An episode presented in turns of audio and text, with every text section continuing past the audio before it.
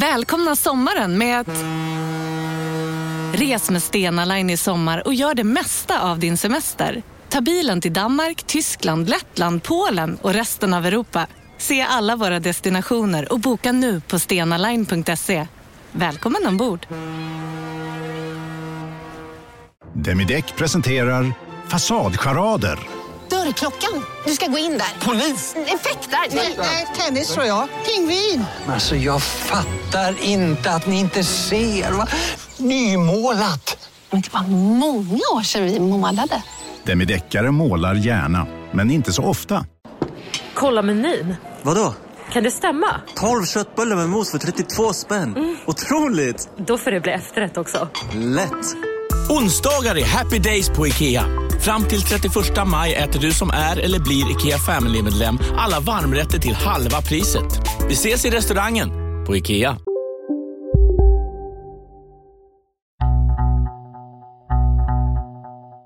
Efter att ha legat isolerad från omvärlden med livshotande skador blir Johannas mamma till slut förhörd. Det var fruktansvärt för att jag visste ju inte om det var någon som visste vad som hade hänt.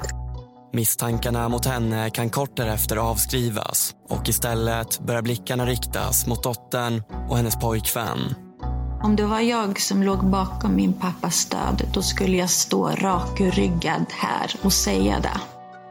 Polisens spaningsarbete leder till att Johanna och Mohammad slutligen grips i Trondheim. Oh my god. Värsta kriminella liksom.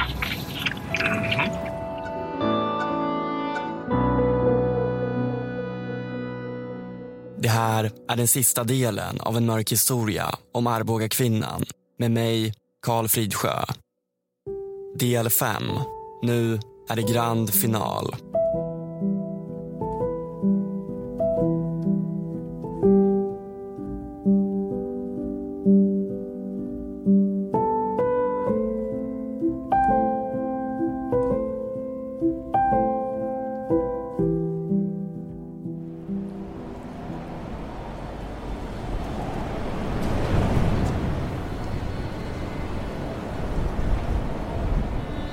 Är den 15 november 2016 och Gustavsbergs kyrkogård ligger inbäddad i snö. Den här dagen håller kyrkogården stängt för besökare och luftrummet ovanför området är avspärrat. Det var eh, en ny chock när graven öppnades. När eh, media, radio, tv, alla började prata om det här. I över ett år har Aki Pasila legat begravd på den stilla kyrkogården. Men den här tisdagen avbryts lugnet av en grävskopa och nyfikna reportrar. Akis kropp ska grävas upp och genomgå mer utförliga undersökningar. Medieintresset är stort och utanför kyrkogårdsmurarna har journalister samlats.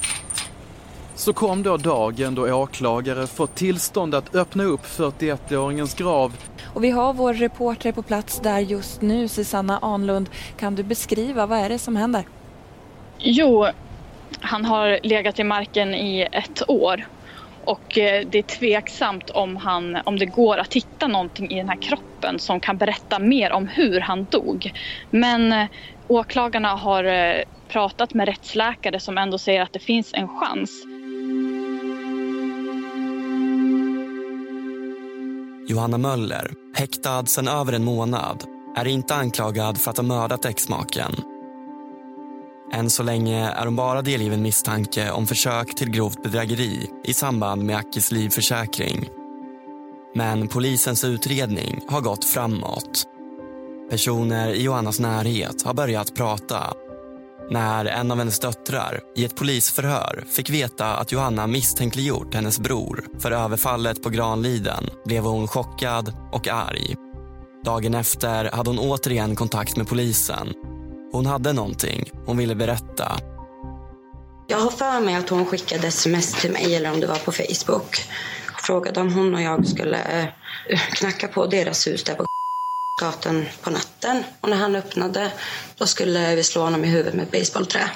Och säga, alltså, som någon frågade, då skulle vi säga att det var några som skulle driva in en skuld, för han knarkade ju. Och vad var tanken skulle hända med honom då? Dö, att han skulle dö.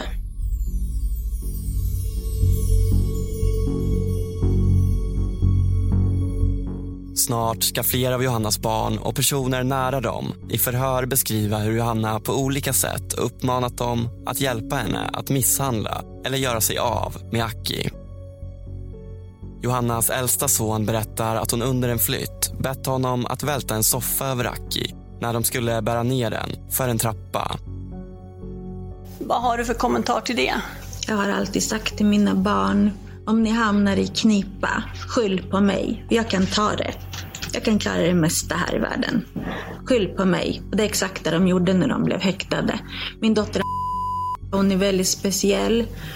Hon eh, säger saker som hon inte riktigt förstår vad hon har sagt och vad det får för konsekvenser. Samtidigt som polisen söker efter ytterligare bevis i utredningen kring Akis död pågår förhören med Johanna och Mohammad om mordet och mordförsöket ute i sommarstugan vid Granliden. De första månaderna fortsätter Mohammad att neka. Han vill inte berätta sanningen. Men i november orkar han inte ljuga längre och erkänner att det är han som knivhuggit morföräldrarna. Men utan att berätta om Johannas inblandning. Han säger att han blev skjutsad till sommarstugan av någon helt annan än Johanna.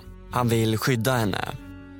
De samtal de haft tidigare finns hela tiden i bakhuvudet. Ja, det här får Johanna ofta det. Jag blev påmind om Johannas ord, eller det Johanna hade sagt. Alltså, egentligen inte för min skull, men för tvillingarnas skull. Ifall det kommer en dag att du inte orkar och ljuga längre och börja erkänna. Tänk inte på mig. Tänk bara på tvillingarna. Hur, ska, hur de kommer att ha, hur de kommer att lida utan sin mamma. Eh, det här är ett misstag som ju är redan gjort. Eh, på något sätt måste man liksom samla ihop det eller fixa det. Ifall jag är ute kan jag ta hand om mina barn. Jag kan hjälpa dig.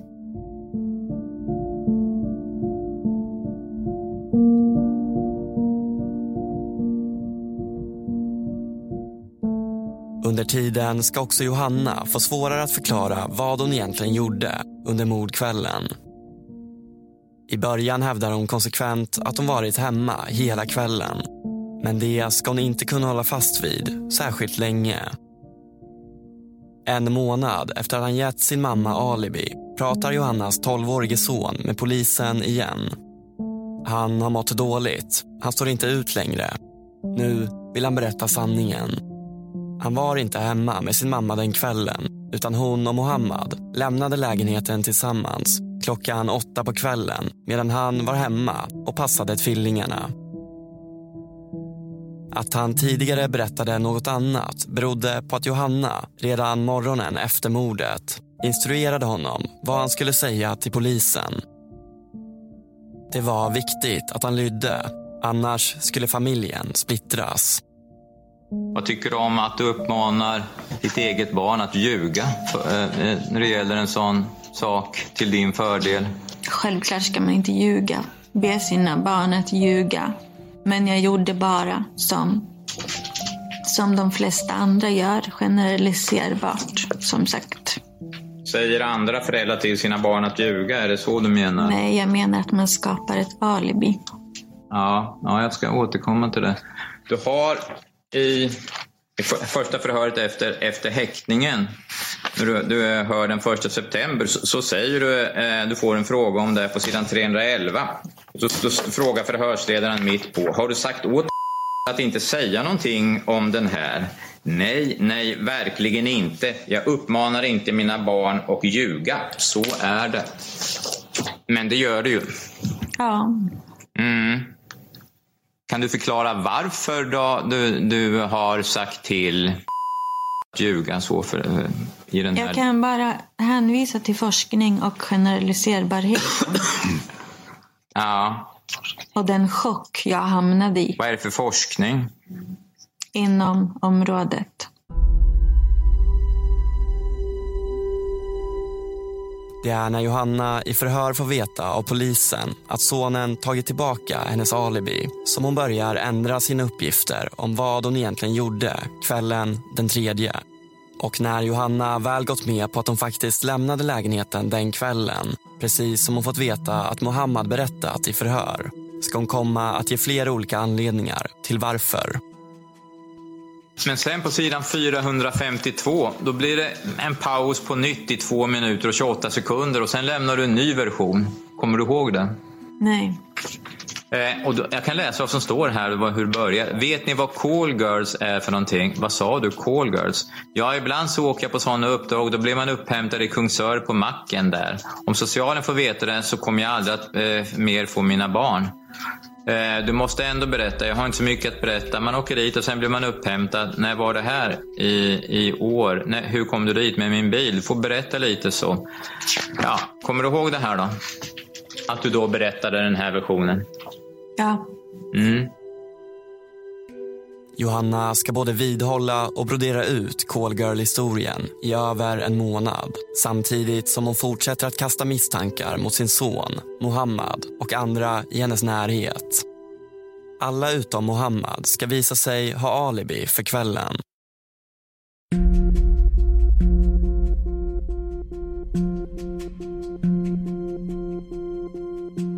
Polisens förundersökning om Akis drunkning går framåt och fler personer har förhörts. Bland annat den granne som såg den rostbruna Toranen krypköra i riktning mot Granliden kvällen då Göran mördades. Hon har gjort intressanta iakttagelser även på morgonen efter Akis drunkning precis innan Johanna ringer SOS Alarm runt klockan halv nio på morgonen. Eh, Jag är nere på sjön och eh, vittjar kräftburar ute på sjön. Och när jag går tillbaka på den här stigen hör jag att det, att det slår i en båt. Och då tänker jag genast att nu är det folk i Granliden. För man hör inte så ofta annars att de är där. Eh, Jag kan inte förklara bättre än att det klonkar när du slår i en båt. Eh, Med till exempel en åra eller att du ställer ner någonting i båten. Det blir ett ganska ihåligt ljud. Och hur vet du att det var just den 8 augusti? Ja, eftersom att brandbilen och räddningsbåten kom ut strax efter jag hade kommit upp till huset. Mm.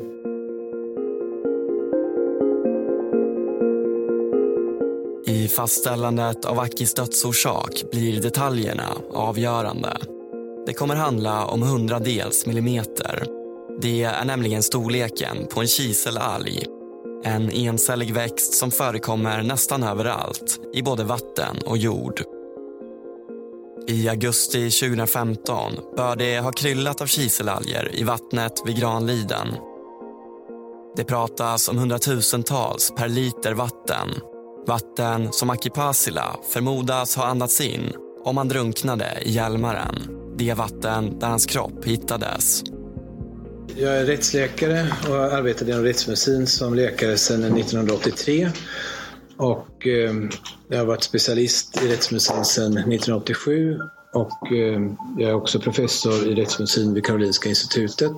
Henrik Druid får uppdraget att ta prover från Akis organ för att göra en så kallad kiselalgsanalys. Han påträffar endast tre stycken kiselalger. Vad, vad är din slutsats? Det låga antalet påvisade kiselalger i lungorna då, och att det inte finns i de andra vävnadsproverna eh, talar emot drunkning i kiselalgsrikt vatten. Om jag förstod dig så menar du att Hjälmaren är kiselrikt all- Ja, just- kiselalgrikt vatten. Ja. Så det talar alltså emot att han har drunknat där. Mm.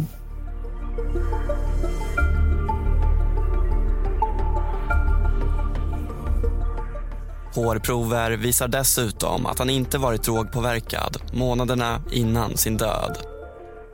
Om Aki inte drunknade där hans kropp hittades kanske Johannas mammas misstanke varit rätt hela tiden. Det var nog ingen vanlig drunkning.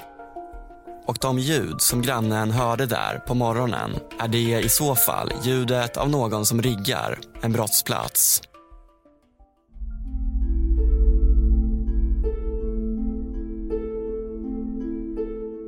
Förhören med Johanna fortsätter och den 12 december överger hon sin callgirl-version för att istället ge helt nya uppgifter om vad hon gjorde under mordkvällen. Mellan klockan nio på kvällen fram till efter klockan tio ska hon ha befunnit sig på en Willys parkering där hon hade stämt träff med någon för att köpa en pistol. Och vad skulle du göra med den här pistolen? Som skydd. Ja, hade du några andra tankar vad du skulle använda den här pistolen till? Nej. Ingenting? Nej. Johanna var rädd för de personer som hon menar konspirerade mot henne kring sexskandalen och ville känna sig trygg, förklarar hon. Men hon säger också en hel del annat i förhöret den 12 december. Vet du hur du pratar om när du pratar om den här pistolen i förhöret? Mm. Det gör du på eh, sidan 923. Då är det ett förhör med dig den 12 december. Mm. Då säger du ungefär mitt på sidan att du ska köpa en pistol. Mm. Men precis innan det, vet du vad du har sagt då? Nej. Då läser jag några rader från slutet. Om någon skulle ha dödat min pappa så borde det ha varit jag, ingen annan. Mm. Och säger du, då borde ju jag ha gjort det, förstår du? Ja. Och så säger du, ehm, och du får frågan, har du gjort det då? Nej, jag har ju inte gjort det, säger du. Och så säger du igen, men om det är någon som skulle ha gjort det så borde det ha varit jag som hade gjort det. Ja. Sen vill du dricka lite vatten och så säger du så här, jag är helt skakig. Alltså man vet väl aldrig med sitt undermedvetna, jag kanske skaff, skulle skaffa en pistol för att göra det någon gång. Det vet man ju inte. Nej. När du börjar prata om den här pistolen så kopplar du alltså det till att du kanske skulle döda din pappa. Nej, det var ett resonemang jag hade utifrån psykologi. Hur överjaget och underjaget spelar med varandra. Att man aldrig kan veta vad man kan tänka sig göra. Och jag tyckte det att ingen annan skulle ha rätt att döda min pappa utan jag. Ingen galen afghan med knivar. Under tiden hon sitter häktad får Johanna inte ha någon kontakt med omvärlden. Men det ska inte hindra henne från att ändå försöka påverka och styra sin omgivning. Och vid den här tid, tiden då i november 2016 så var ju en av dem som satt på häktet i Uppsala Johanna Möller. Och då vet jag att du hade en incident med henne som du har rapporterat här i 26-27 november. Kan du berätta? Vi hör en av kriminalvårdarna. Det enda jag minns var att vet du, det var en medicinutdelning. Mm. Som, eh, jag skulle dela ut medicinen och då fick jag det här erbjudandet. Då. Att jag skulle posta ett brev och få 5000 för det. Och jag sa nej och var klar med att eh, jag inte skulle göra det och skulle förmedla det till VB. Då. Eh, VB står för vakthavande befäl. Då. Vad, vad var det du gjorde här Johanna? Eh, Det var så att eh, under flera förhör med eh, polisen så har de sagt åt mig, du kan fråga någon personal. De kanske kan ta brev till dig utan granskning. Du kan ju be en personal. Det finns ju många som jobbar där nere. Fråga någon vet jag. Men då sa jag det, nej det skulle jag aldrig ens tordas för jag är för ordentlig för det. Jo, klart du törs. Så då tänkte jag, men jag testar väl. Så jag höll upp ett tomt kuvert och frågade om han ville ta och postade åt mig. Eh, och så sa jag, du kan få 5 000. Eh, fast jag hade varken brev eller 5 000. Så det var ett test att se om han skulle göra det. Eftersom polisen hade uppmanat mig att göra det. Kriminalvårdaren anmäler henne och brevet kommer aldrig iväg. Och under sina månader i häktet ska Johanna skriva en hel del som aldrig når de avsedda mottagarna. Gömda i pennor och Lypsyllock i Johannas cell och i duschrummets förvaringslådor hittar polisen vid flera tillfällen lappar adresserade till Mohammad och hennes barn. Du har ju skrivit, det är ju lappar med rätt mycket text som du har skrivit till eh, Mohammed här. Ja. Du, säger, du har ju samtidigt sagt att han inte förstår någon svenska men samtidigt har du skrivit lappar och du säger att du trodde att dina lappar förmått honom att erkänna. Mm. Men han kan nog inte förstå ett endaste ord av vad som står på de där lapparna. Nej. Jag vill bara testa honom nu. I lapparna ber hon Mohammad att neka, säger åt honom vad han ska säga till polisen och uppmanar honom att berätta vad hon kallar sanningen om vilka som var inblandade i mordet. Hela tiden hävdar hon att de båda är oskyldiga. Till sina barn skriver hon att de ska ta tillbaka sina vittnesmål och ta kontakt med polis och media. Hon erbjuder pengar och säger att hon älskar dem. Hon vill ut, hem till tvillingarna. Hej, varför säger du så konstiga saker i förhör? Det som om ni inte vill ha hem mig. Jag längtar så himla mycket efter er alla. Polisen säger att du har sagt att jag har sagt till dig om jobbbilen. Det har jag inte. Duschade nyss. Jag skrev till dig på väggen. Det känns som vi är 14. Till Aftonbladet, polisen, ni får en miljon. Jag menar allvar. Neka allt. De har inga bevis. Vi var i Katrineholm. Puss. Vad har du att säga om det här? Det är bara ord. Jag har inte velat tro att det är Mohammed som har gjort det här.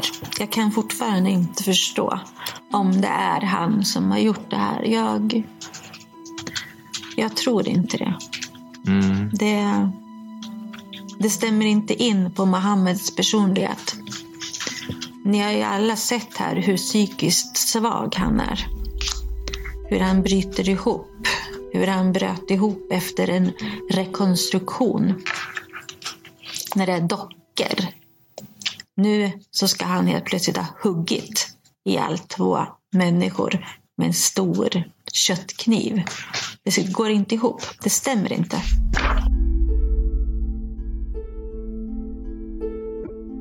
Det är några dagar innan nyår när Mohammad plötsligt i ett förhör säger att han har något nytt som han vill berätta. Några dagar tidigare har han själv påkallat ett förhör och sagt att Johanna var med och planerade mordet.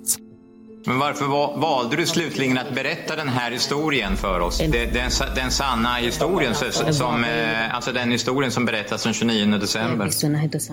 Efter att i månader ha utelämnat Johannas aktiva roll under mordkvällen kan han till slut inte fortsätta att ljuga.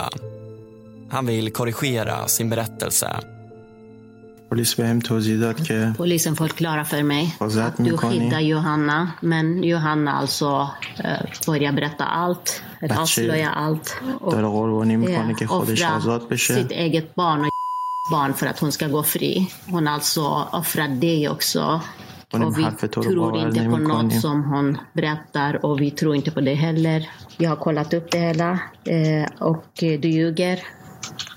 Diskutera med min advokat och berätta sanningen för honom. Och blev förhörd på nytt och eh, förklara för polisen. Johanna kommenterar Mohammads erkännande med att det kommer sig av att hon lyckats smuggla en lapp till honom där hon bett honom träda fram. Därefter ska hon ändra sig ännu en gång om vad hon gjorde under mordkvällen. Klockan 21.10 åkte hon till Willys som visade sig vara stängd. Därefter tar hon sig till ytterligare en Willys som också den var stängd. Slutligen åker hon till Ica Maxi, handlar där för att i kassan upptäcka att hon glömt sitt kontokort. Hon lägger då tillbaka varorna och åker hem utan att något köp registrerats. Den här versionen blir Johannas sista och den hon kommer att försvara i rätten. Då fortsätter förhöret med Johanna Möller. Du ville säga någonting nu innan åklagaren fortsätter fråga.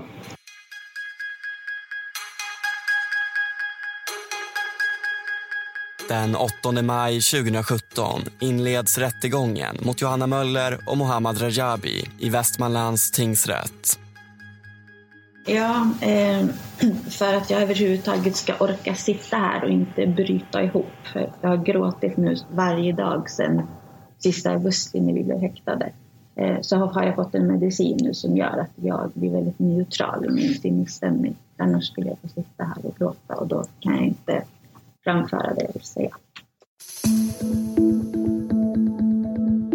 De första dagarna ägnas åt mordet på Johannas exman, Aki Pasila. Och en stor del av tiden ska läggas på att gå igenom och ställa frågor kring Johannas ekonomi eftersom pengar är ett av de motiv som åklagarsidan menar har drivit Johanna. sen vill jag, ska, jag lite snabbt rekapitulera hur det ser ut på ditt konto, ditt saldo vid månadsskiftena här fram till och med den 1 augusti. Då ser det ut så här. Den 1 mars då har du ett saldo på 480 000 på ditt konto.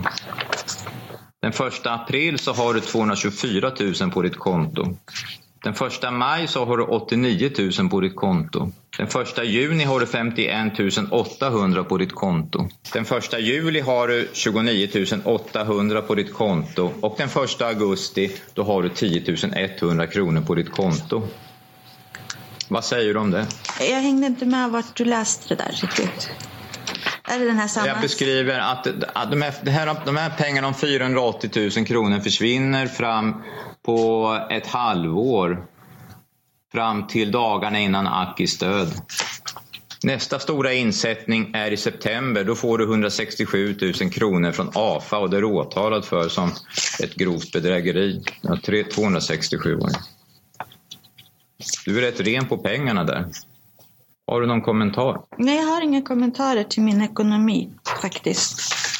Jag har aldrig fått frågor kring min ekonomi under de här nio månaderna jag har suttit häktad heller. Så det verkar inte ha varit någon relevans i att ta upp det i förhör. Så jag förstår inte riktigt varför ni tar upp det nu. Tycker mer det visar att jag är väldigt driftig och har en hög årsinkomst. Bra mycket högre än den jag får via mitt socialtjänstenarbete. Mm.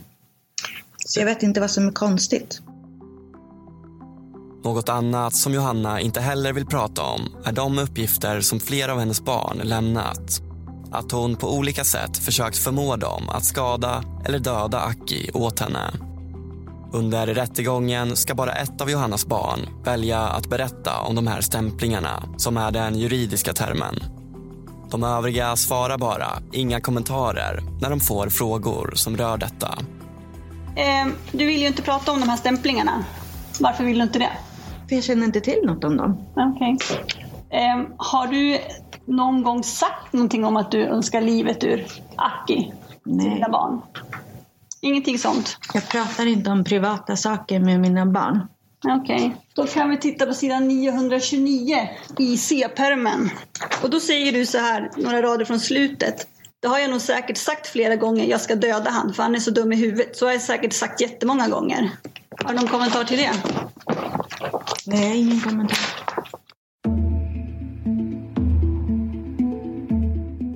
Johannas beskrivning av vad som egentligen hände ute på Granliden den 7 augusti som vi hörde henne berätta i del 1 ska även den kantas av motstridiga och ändrade uppgifter. Under rättegången får hon en stor mängd frågor om vad hon gjorde, var hon befann sig vid vilken tidpunkt och vad hon sagt i tidigare polisförhör. Sen så kom det något intressant tyckte jag. Sen säger du att du går då från bryggan 2010, 2015 någonting. Och sen kommer en helt ny uppgift som du inte har nämnt en endaste gång under alla dessa förhör som har hållits hela, hela tiden. Nämligen att du leker med barnen utanför huset en stund. Jag sa i första förhöret att vi gick upp vid nio, fem över nio. Men sen sa polisen till mig att du har skickat sms till Aki 20 och 19 nere på bryggan. Du sa i första förhöret att ni gick och la er klockan 20.30. Nej, det har Sidan 400. Det har jag aldrig sagt. Sidan 400, fjärde stycket från slutet. Hon, och det här är förhöret den 18 augusti. Hon berättade sen att hon la barnen vid stugan och klockan var ungefär 20.30. Mm, men det där är förhör med If va? Nej, det är förhör med polisen. Det är förhör på eh, polishuset i Sala. Vilket stycke var det här nu då? Fjärde stycket från slutet. Det är det första förhöret som hölls med dig där du borde ha bäst minne av det som inträffade den 7-8 augusti. Nej, jag var helt i chocktillstånd kan jag säga under det där. Okay. Jag satt och grät hela tiden. För det stämmer ju också med de uppgifter som framgår av händelserapporten på sidan 7. Eh, där det står då att du gick upp 20.30, det var då sista gången du såg honom. Ja, jag kan inte säga att det stämmer eller inte stämmer. Men jag tycker det verkar väldigt konstigt om jag sagt att jag gick upp och la oss 20 och 30. Anledningen till de många frågor om klockslag och var Johanna befunnit sig har med telefonmaster att göra. Avståndet mellan boningshuset och bryggan på Granliden är ganska långt och innebär i det här fallet att en mobiltelefon kopplar upp på olika master beroende på om man befinner sig vid huset eller nere vid vattnet. Hur gamla var? Två och ett halvt. Två och ett halvt. Är inte det en ganska, till och med 2030, en ganska sen tid för, för två och, halv, två och ett halvt-åringar att lägga sig? Sen är man ute på landet. Nej. Var de inte trötta menar du?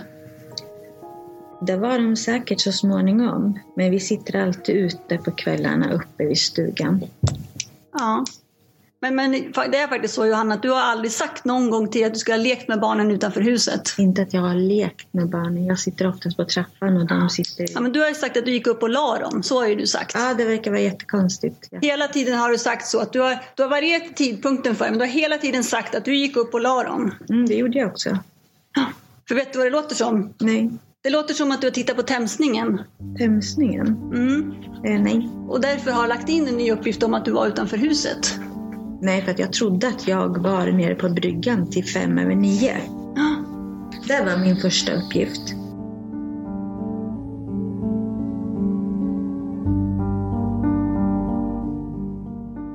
Polisen har genomfört en så kallad tämsning och undersökt hur Johannas mobil kopplat upp sig mot masterna de aktuella datumen. Därför kan de kontrollera Johannas uppgifter om var hon befunnit sig under kvällen mot vad masterna visat. Men du ligger i sängen och skickar iväg smsen. Mm. Så du har ju återigen sagt att du är i sängen när du skickar de här smsen. Ja, inte de första smsen. Men varför säger du inte det i förhöret? När du, när du skickade de första smsen, då var jag ute och lekte med tvillingarna. Ja. Sen låg jag i sängen. Varför sa du inte så då om det var så det var? Hur skulle jag kunna minnas det just då? Och hur kan du minnas det bättre idag? För att jag sa från början, vi gick upp från bryggan 21.05. Då säger Nej, första föret sa att du gick upp 20.30. Nej. Jag läste precis upp det. Mm, men jag sa 21. Efter Okej. 21. Ja. Sen säger polisen till mig att det är helt omöjligt att du kan ha varit eh, uppe vid huset för att din telefon var nere på bryggan. Har du varit ner någonting på bryggan från det att du går upp från den? Nej. Ingenting? Är det helt säkert det?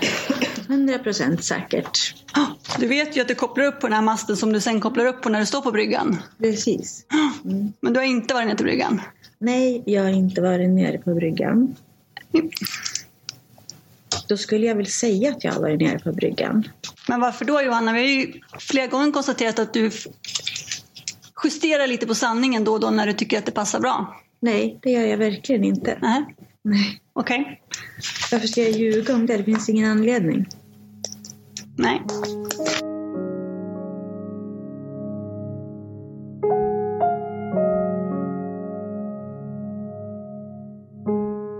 En annan omständighet som Johanna får många frågor kring är de inköp som görs inför helgen på Granliden. Johanna säger sig visserligen inte ha något eget minne av att de handlade på vägen ut till sommarstugan men har senare förstått av polisens utredning att de gjorde det. Och eh, vi, vi har ju alla sett kvittot så vi vet ju vad det står där. Och, eh, den här entrecôten då? Ja. Det är ju väldigt mycket. Det är ju två bitar och över ett kilo. Är det en bit på 400 gram någonting och en bit på 500 gram någonting? Eh, Och sitta och argumentera för hur tjocka biffar vi tänkte grilla på kvällen. Jag vet inte. Ska vi... Vad skulle ni ha dem på kvällen? Dagen efter. Okej. Eh, och det enda mat som egentligen var på det där kvittot, det var entrecôten. Så ni skulle ha ätit ett halvt kilo entrecote var på kvällen? Nej. Nej? Vi Ja, kanske, jag, vet, jag, vet inte, jag vet inte om vi kanske lämnar ett paket hemma, när vi var hemma. Emellan. Eller så tog vi med oss båda. Men som sagt var, jag handlar alltid mängder med mat när jag åker ut på landet. Men det var ingen mat som var handlad. Utan det var bara gottesaker från delikatessen och det kostar.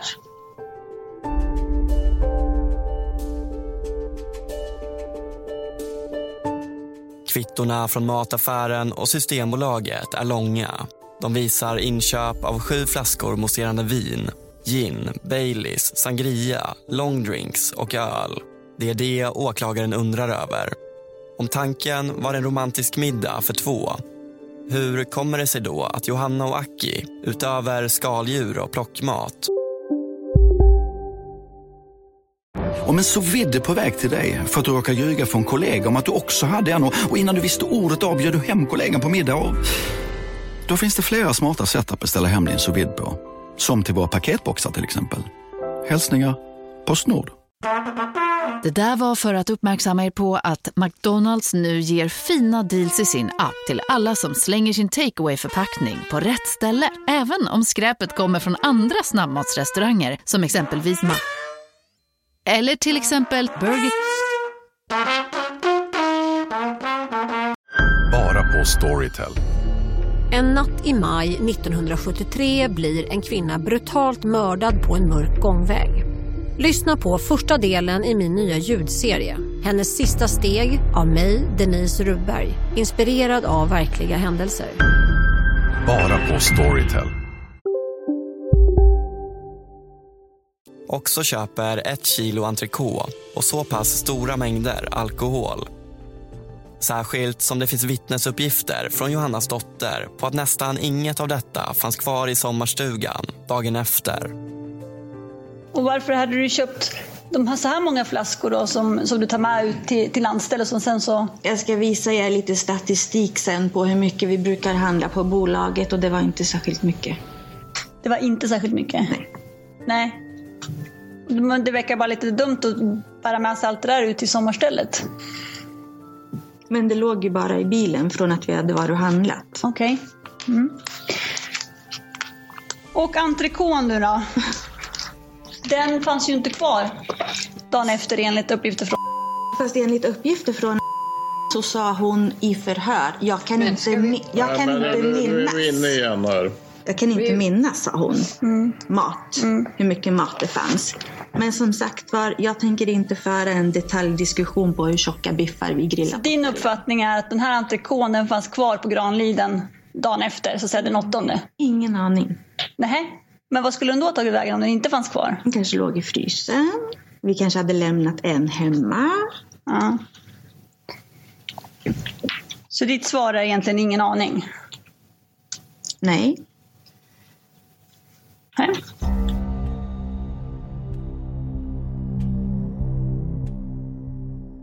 Johanna hävdar bestämt att hon, Aki och tvillingarna var de enda som befann sig vid sommarstugan den kvällen. Åklagaren har en annan uppfattning och använder kvittorna med de omfattande inköpen av mat och alkohol för att leda i bevis att de var fler på Granliden den här kvällen. Johanna framhärdar i att hon inte har något med sin makes död att göra. Hon kan bara gissa vad som egentligen hände där nere vid bryggan. Men du, vad tror du hände med Aki egentligen? Jag tror att först trodde jag att han, när han hade varit ute med nätet, så trodde jag att han kanske hade halkat och slagit i huvudet. Men eh, det visar ju ingenting på obduktionsrapporten. Nej. Eh, så jag tror att han var ju barfota. Han var alltid barfota när han åkte båt och skulle fiska. Eh, årorna var väl i båten som jag förstår det. Och då tyder det på att han precis ska hoppa i land. Jag tror att han, när han ska hoppa i land så tror jag att han eh, kanske får ont i hjärtat och hamnar i vattnet.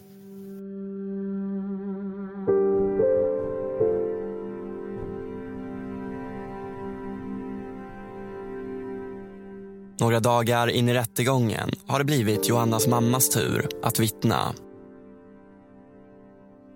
Vad tycker du om din dotter? Ja du, jag älskar min dotter. Men jag kan aldrig, aldrig förlåta henne vad hon har gjort. Hon har tagit halva min familj. Och det här är inte bara en generation, utan det är fem generationer. Det är min mamma som är 91 år, det är jag, min dotter är och sen är det hennes barn och mina barnbarn och mina barnbarnsbarn kommer att finnas med hela tiden.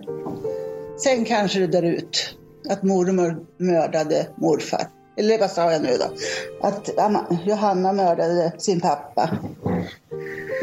Och det är fruktansvärt att leva med det. I sitt första vittnesmål förhörs hon i delen om Akis drunkning.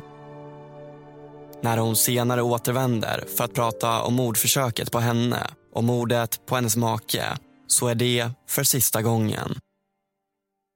Jag känner liksom att det här är premiär för mig. Det här är ett avslut. Förut har det varit någonting som jag inte kommer ihåg vad det heter, men Susanna kommer ihåg vad det hette.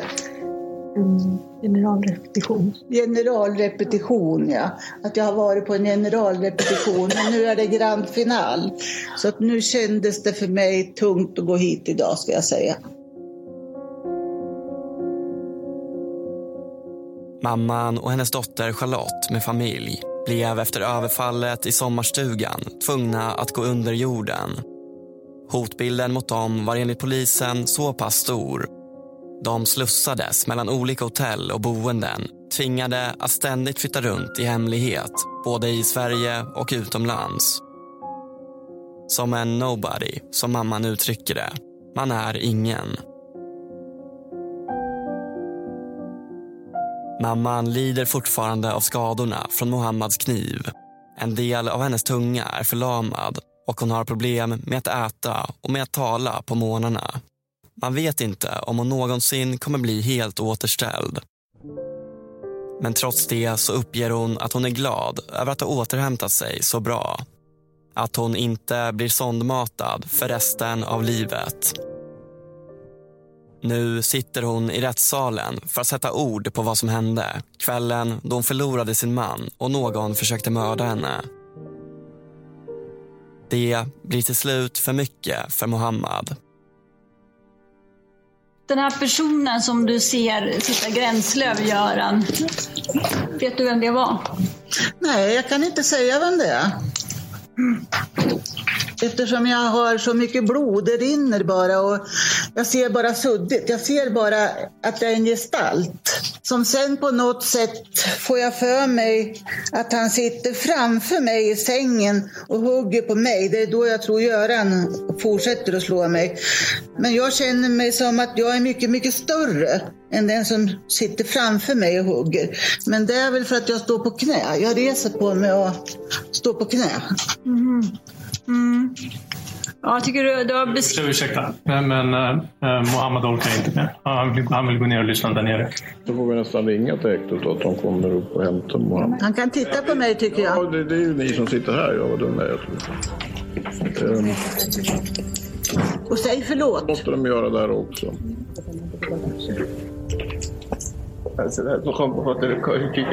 Jag ber om ursäkt för det jag gjorde.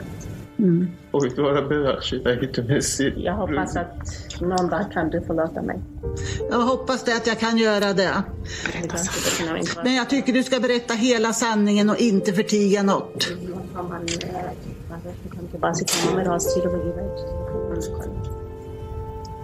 Lovar du mig det? Vid ditt förhör imorgon så vill jag höra hela sanningen. Då ska jag förlåta dig när du gör det.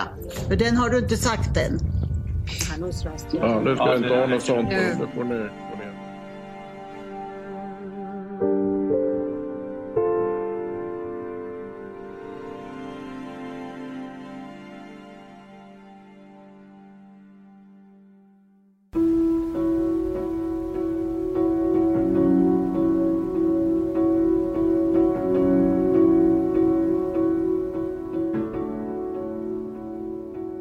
Mohammad berättar vad han menar är sanningen när det blir hans tur att förhöras.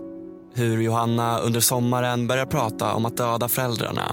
Att hon skjutsar honom till sommarstugan och väntar i bilen medan han tar sig in i sovrummet och överfaller föräldrarna precis som hon sagt åt honom att göra. Mohammads berättelse är påhittad enligt Johanna som hävdar att hon aldrig var med ut till sommarstugan och att hon absolut inte har planerat mordet. Mohammad ljuger, helt enkelt. Varför, varför tror du att Mohammed berättar om att det är du som ligger bakom det här? Varför jag tror det? Mm. Eller varför gör han det? Jag kan bara hänvisa till kultur och Vadå kultur? Varför skulle, varför skulle han berätta om dig? för att polisen sa åt Mohammed när han mådde som sämst. Först sa polisen till Mohammed Söta lilla Mohammed, du skulle ju aldrig kunna göra något sånt här. Det vet vi. Du har blivit lurad. Du har blivit utnyttjad av den här kvinnan Johanna. Hon har gjort si och hon har gjort så. Johanna skyller allt på dig. Hur känns Du vet ju att det Nej, beror men ju jag får jag prata, har- får jag prata klart? För annars så tappar jag tråden. Okej. Ja. Ja, nu har jag redan tappat tråden. Mm, jag kan bara lyfta in det. Anledningen till att man sa så, det var ju för att han själv säger så i avlyssningen. Vi hade ju en mängd avlyssningar som grund för förhören med Mohammed och då säger han ju de sakerna. Mm. Men man har hotat Mohammed med Koranen. Man har använt sig av religion, av eh, hans föräldrar. Man har spelat upp samtal med Mohammeds fästmö i Iran. Mohammed står fast fortfarande, ganska länge, att det är han som ligger bakom. Varför frågar ni hela tiden att jag ska säga att det är Johanna som ligger bakom? Varför ska jag skydda Johanna för? Jag har inte ens några känslor för henne. Hon är den sista personen jag skulle skydda. Då säger polisen till Mohammed eh, Vill du sitta i livstidsfängelse? Sen går det några veckor. Mohammed mår jätte, jättedåligt. Nivåerna på THC i hans blod, de är putsväck. Betyder total ångest. Då säger polisen till Mohammed Johanna har sagt till myndigheter att hon skiter i dig nu. Hon kommer aldrig mer hjälpa dig. Hon kommer inte hjälpa dig något mer nu. Då går det två veckor till. Sen ger Mohammed en kort version där jag sitter bakom ratten. Enda problemet är, Men varför? enda problemet är att jag var hemma en hel timme innan Mohammed kom till Eskilstuna. Den lilla detaljen har jag gett Men, men nu polisutredaren. håller du på att argumentera om någonting annat. Jag undrade varför säger Mohammed att du är inblandad om du inte är det? Just på grund av att han tror att jag har sagt till myndigheter att... Ja, fast det gjorde du ju. Nej, jag gjorde ju inte det. Jag sa till myndigheter att jag sa så på grund av att annars kommer polisen säga så. Okej. Ja. Men alltså, varför fult. säger de Mohammed att du ligger bakom det? Vad vinner han på det? Mm, han vinner på det att jag inte kommer hjälpa honom mer. Då kan jag lika gärna också sitta inlåst. Det vinner han på det. Men vänta nu. Mm. Om det nu var så att han inte skulle berätta om dig, då skulle du kunna hjälpa honom. Så att jag förstår inte riktigt hur det skulle kunna vara någon vinst att du inte ska kunna hjälpa honom. Heder, hierarki, skuld och skam är det begrepp du har hört talas om. Ja, men jag förstår inte hur de ska kopplas till det här. Nej, men det förstår jag efter att ha jobbat med den här gruppen ett tag. Men vad finns det för, för skuld och skam och heder eh, för Mohammed i förhållande till dig? Min pappa kastade ut i april. Mohammed stod på tur. Jag hade sagt åt min pappa, sälj lägenheten när jag reser till Thailand. Mohammed, han kom direkt upp på gräddhyllan från gatan. Han levde ett lyxliv. Hans kompisar såg upp till honom. Han hade pengar som han kunde skicka till sina föräldrar. Han visste att snart kunde han få ta hit sina föräldrar. Det är det största goet i Mohammeds liv, att få hit hans mamma och pappa. Och det ska jag hjälpa han med. Mm, och då förstår jag inte varför han berättar om att du ligger bakom där, för då förlorar han ju allt det här. Nej. Han har åkt till landet på grund av att morfar var det största hotet för hans framtidsplaner. Fast nu var ju frågan varför han berättar om dig. Mm. För att han tror att jag har lämnat honom. Därför berättar han det här för polisen om mig. Ja, men om man berättar så, så lämnar du ju garanterat honom kan man ju tänka. Mm. Så att han, för att Som ett straff då för att du har lämnat honom så berättar han att du är inblandad i, i mord? Ja. Okej. Det var ingen som tänkte döda någon som åkte ut på Granliden den tredje och hur vet du det? Jag vet det. Hur vet jag du det? känner de här killarna. Vilka killar? Mohammed och hans kompisar. De gör aldrig någonting utan varandra. Nej.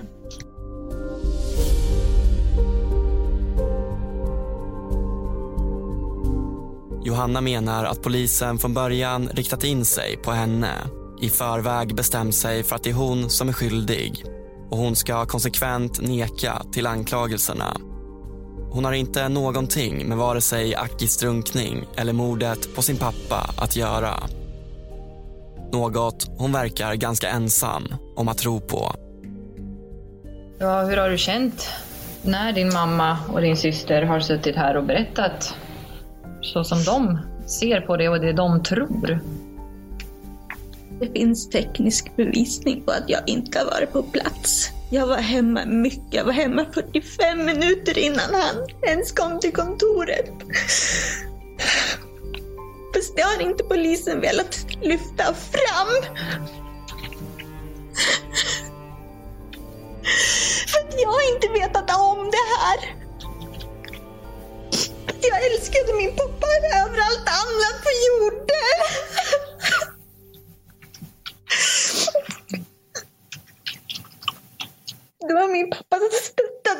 I allt, i alla mina livsval. Och när jag hamnade i en fallgrop, då var det han som lyfte upp mig.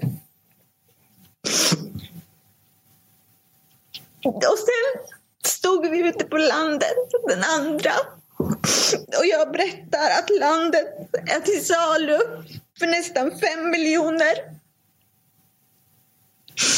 Sen på natten åker han, idioten, skicka ut han! Tack, jag har inga fler frågor.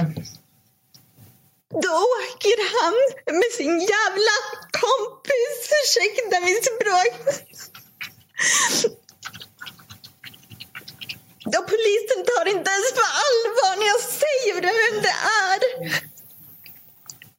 Utan man har hela tiden bara försökt hitta bevis mot mig att jag är den som är skyldig. Jag skulle aldrig ens kunna skada min pappa.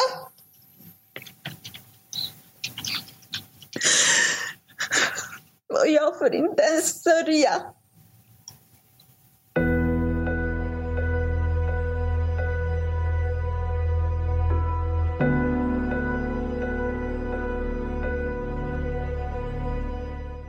Sammanlagt har Johanna alltså lämnat nio olika versioner av vad hon gjorde under kvällen då hennes pappa blev mördad. När hon till slut berättar vad hon hävdar är sanningen att hon efter att ha besökt två stängda Willys åker till Ica Maxi för att handla och upptäcker att hon inte har med sig sitt kontokort så inställer sig frågan. Om hon nu var på Ica Maxi och handlade den kvällen varför sa hon inte det när hon blev förhörd första gången? Ja, det har ju hörts väldigt många gånger och som sagt det är ju först i princip mot slutet som du nämner den här berättelsen om Ica Maxi. Varför har du inte överhuvudtaget nämnt det tidigare? Jag har ju försökt att förklara det ur ett psykologiskt perspektiv. Och jag kan bara hänvisa till forskning i området. Där människor som utsätts för jättepsykisk press, press, press blir inlåsta och isolerade. För de människorna fabricerar de mest otroliga historier. Och har man sen frågat de här personerna varför de sa så här konstiga saker. Då vet man, har man ingen aning om varför man sa sådana konstiga saker. Jag kan bara referera till det.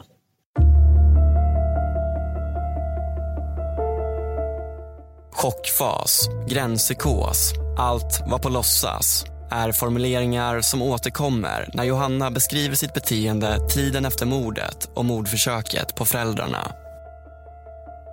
Fram till dess att hon i december flyttas från häktet i Uppsala till Karlstad var hon inte sig själv. Och att hon beter sig märkligt och hela tiden lämnar motstridiga uppgifter beror på hennes chocktillstånd. Johanna menar rent av att hon under lång tid inte ens förstod att hon var misstänkt för något av brotten. Men jag tycker vi går tillbaka till det här. Sitter du här nu och säger att du under perioden när du har varit frihetsberövad inte har förstått att du har varit misstänkt för två stycken mord? Ja, polisen har till och med sagt till mig så här, du tar inte det här på allvar. Du är alldeles glattig, du tar inte det här på allvar Johanna. Men kan det finnas en annan förklaring till det? Vadå? Har en fråga till dig. Nej, jag vet faktiskt inte. När jag fick veta att min pappa var död. Då började jag, när Mohammed berättade för mig på morgonen. Då började jag skratta. För att jag blev så rädd. Jag kommer precis ihåg känslan. Jag började nästan kräkas. Jag blev helt yr i huvudet. Jag skrattar. Jag säger va? Vad säger du? Jag slår till Mohammed. Vad har du gjort? säger jag. Sen försökte min hjärna göra som den är lärd. Som den är lärd sedan jag var tre år gammal. Att springa iväg. Att springa iväg från det onda och förtränga det så djupt att det nästan aldrig kan finnas där. Men min hjärna klarade inte det. Så jag redigerade i tid. Man hör i telefonavlyssningar att det är inte jag som pratar där. Det är någon annan där. Jag är ett skolboksexempel på hur en person i chock redigerar. När jag upplevde nästa trauma, när de flyttade mig till Karlstad och jag inte trodde att jag skulle få se mina barn. Johannas förklaring är att hon under hela förundersökningen satte upp skyddsbarriärer, helt enkelt för att överleva. Med luddiga hänvisningar till forskning ska hon förklara hur vanligt det är att människor hittar på alibin trots att de är oskyldiga. Och hon kände sig också tvungen att göra det. Det var inget bra att säga att man inte var hemma. Nej. Med häns, hänsyn till vad forskningen säger. Ja. Okej. Vi bryta här kanske. Ja, det kan vi göra. Morgonen den 7 augusti återupptas tingsrättsförhandlingen för sista gången. Jag och min kollega Joel reser till Västerås. Ja, Västmanlands tingsrätt, då var vi här.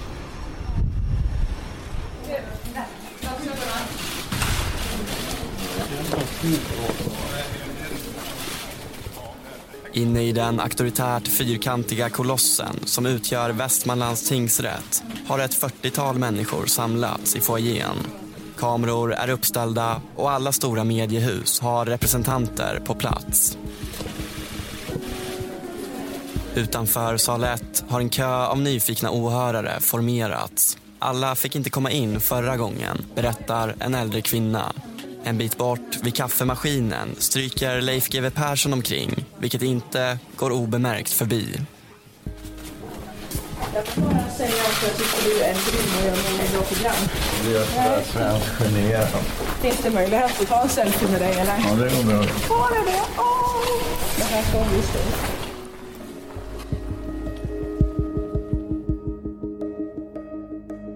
Kort därefter kallas vi in i salen en sista gång. Ja, jag lagde den.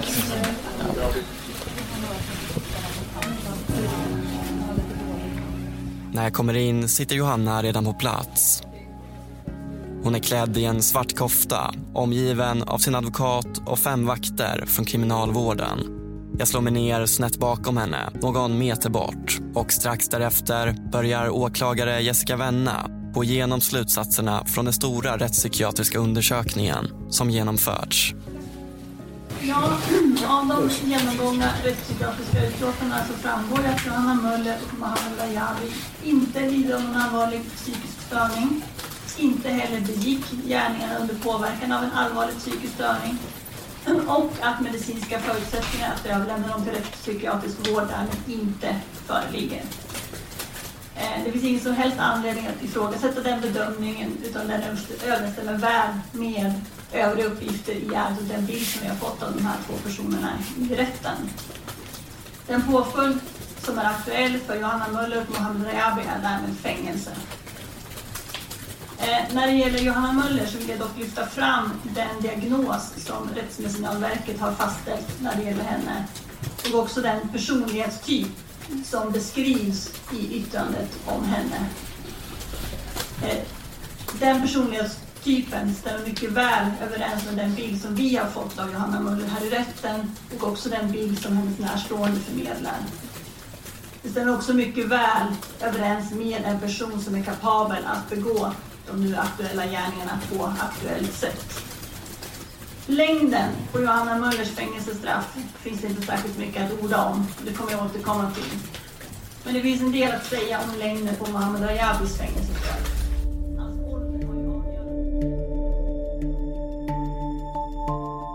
Hon fortsätter med ett resonemang kring Mohammeds ålder. Den är nämligen avgörande när det gäller längden för ett eventuellt fängelsestraff. Är han över 21 år gammal kan han enligt svensk lag inte dömas till livstid. Under utredningens gång har det framkommit fyra olika uppgifter att han skulle varit allt från 18 till 25. För en stund ser det ut som att Mohammad mycket väl kan dömas till livstid. Men efter den sista förhandlingsdagen, i sista minut inkommer uppgifter från en iransk myndighet som visar att Mohammad bara var 20 år gammal vid brottstillfället. Det är en förmildrande omständighet och när det är dags för Mohammads advokat att slutplädera lägger han mycket fokus på just det, förmildrande omständigheter. Jag skulle vilja lyfta fram att Mohammad Rajabi eh, som en ung person kommer till Sverige från fattiga förhållanden. Han kommer ensam. Han eh, hamnar oturligt nog hos Johanna Möller han blir utsatt för tjat, övertalning. Mohammad är i en beroendeställning. En uppenbar beroendeställning skulle jag vilja påstå till Johanna Möller. Han har ingen egen ekonomi.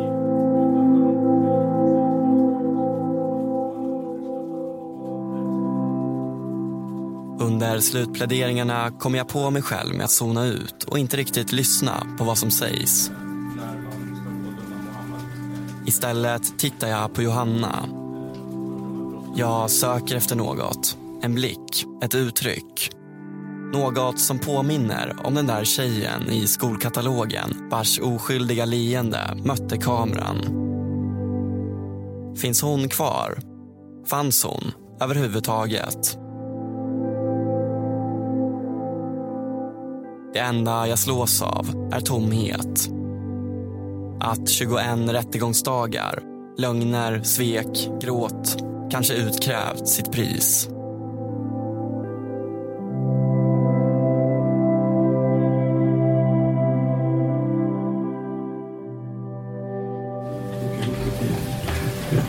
Tingsrätten har kommit fram till följande. Dom i målet kommer att meddelas genom att hållas tillgänglig på rättens kansli måndagen den 21 augusti i år från klockan 11.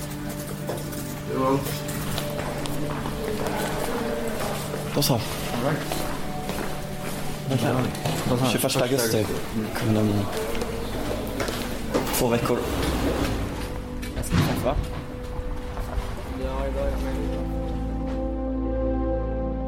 Idag meddelar Västmanlands tingsrätt sin dom. Den dom som många är intresserade av som kommer idag om det här uppmärksammade fallet som väl ingen har missat i Sverige. Nej, Nej. tror jag inte. Eh, Västmanlands tingsrätt levererar dom- domen senare.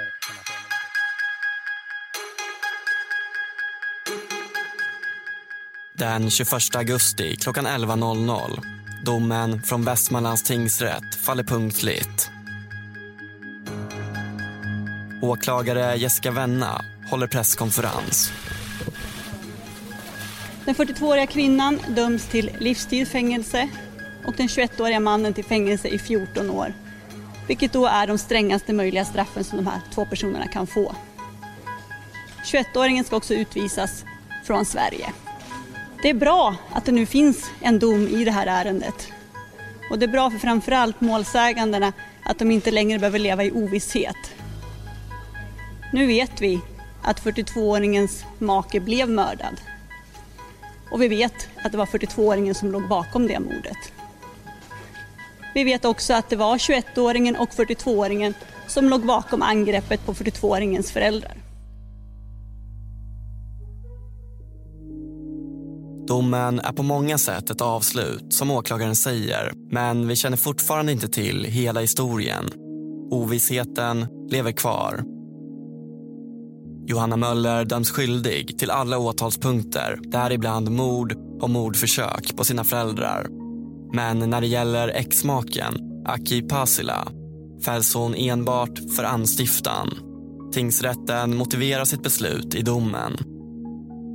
Vid en samlad bedömning anser tingsrätten att det måste kunna hållas för visst att Johanna Möller var inblandad i mordet på Aki Pasila.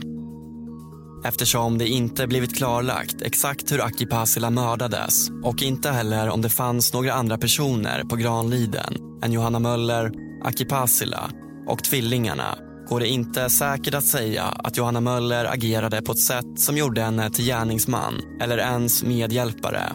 Däremot måste hon i vart fall ha anstiftat mordet. Tingsrätten kan konstatera, bland annat med hänvisning till det låga antalet kiselalger i hans kropp, att Aki Pasila blev mördad. Men rätten kan inte visa vem som utförde dådet. En, kanske flera gärningsmän, går troligtvis fortfarande fria.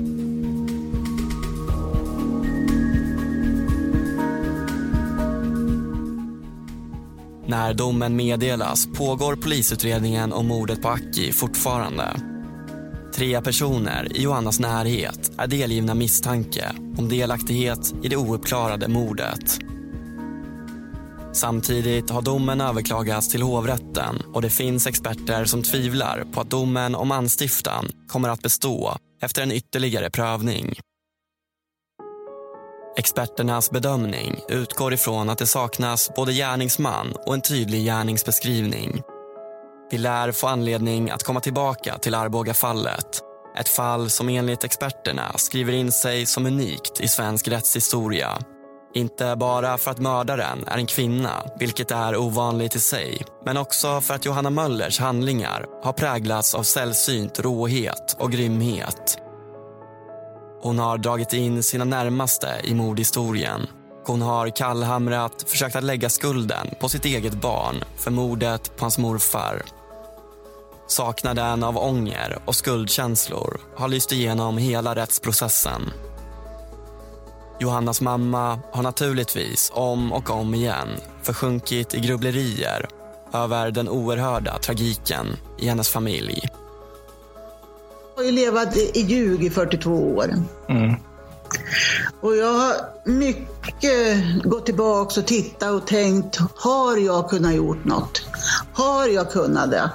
Men jag har pratat med psykologer, och jag har pratat med läkare, och jag har pratat med Gud fader själv. Och alla säger att man kan inte det när man lever i en sån sammansluten familj som ni är. Utan det är någonting som bara är där och kommer smygande om vi hade haft ett besvärligt familjeföretag eller familjeförhållande så att vi hade behövt kallat in någon psykolog eller en, ja, någon social verksamhet, då hade de sett. Men vi kunde inte se och vi kunde inte göra något och det är inte mitt fel. Nej.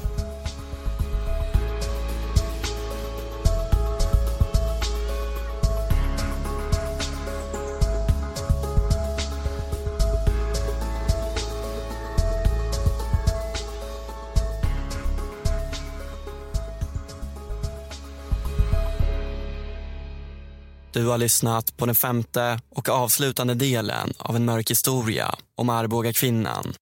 Producerat av mig, Karl Fridsjö och Joel Silberstein Hont. Om du gillar podcasten och vill stötta oss kan du göra det genom att lämna en recension på iTunes, prenumerera eller följa oss i sociala medier.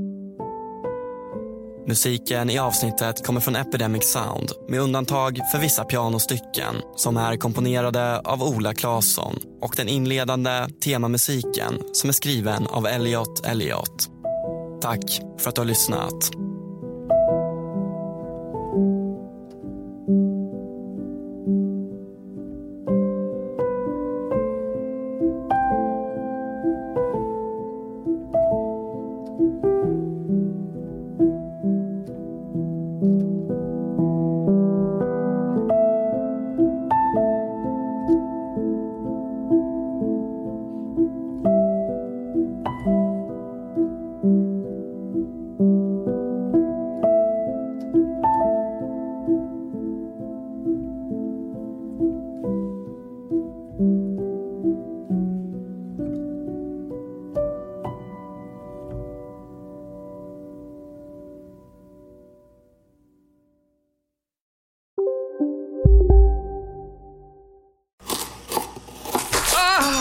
Dåliga vibrationer är att skära av sig tummen i köket. Ja! Bra vibrationer är att du har en tumme till och kan scrolla vidare. Få bra vibrationer med Vimla. Mobiloperatören med Sveriges nöjdaste kunder enligt SKI. Hej, Susanne Axel här. När du gör som jag och listar dig på en av Krys vårdcentraler får du en fast läkarkontakt som kan din sjukdomshistoria. Du får träffa erfarna specialister, tillgång till lättakuten och så kan du chatta med vårdpersonalen. Så gör ditt viktigaste val idag, Lista dig hos Kry.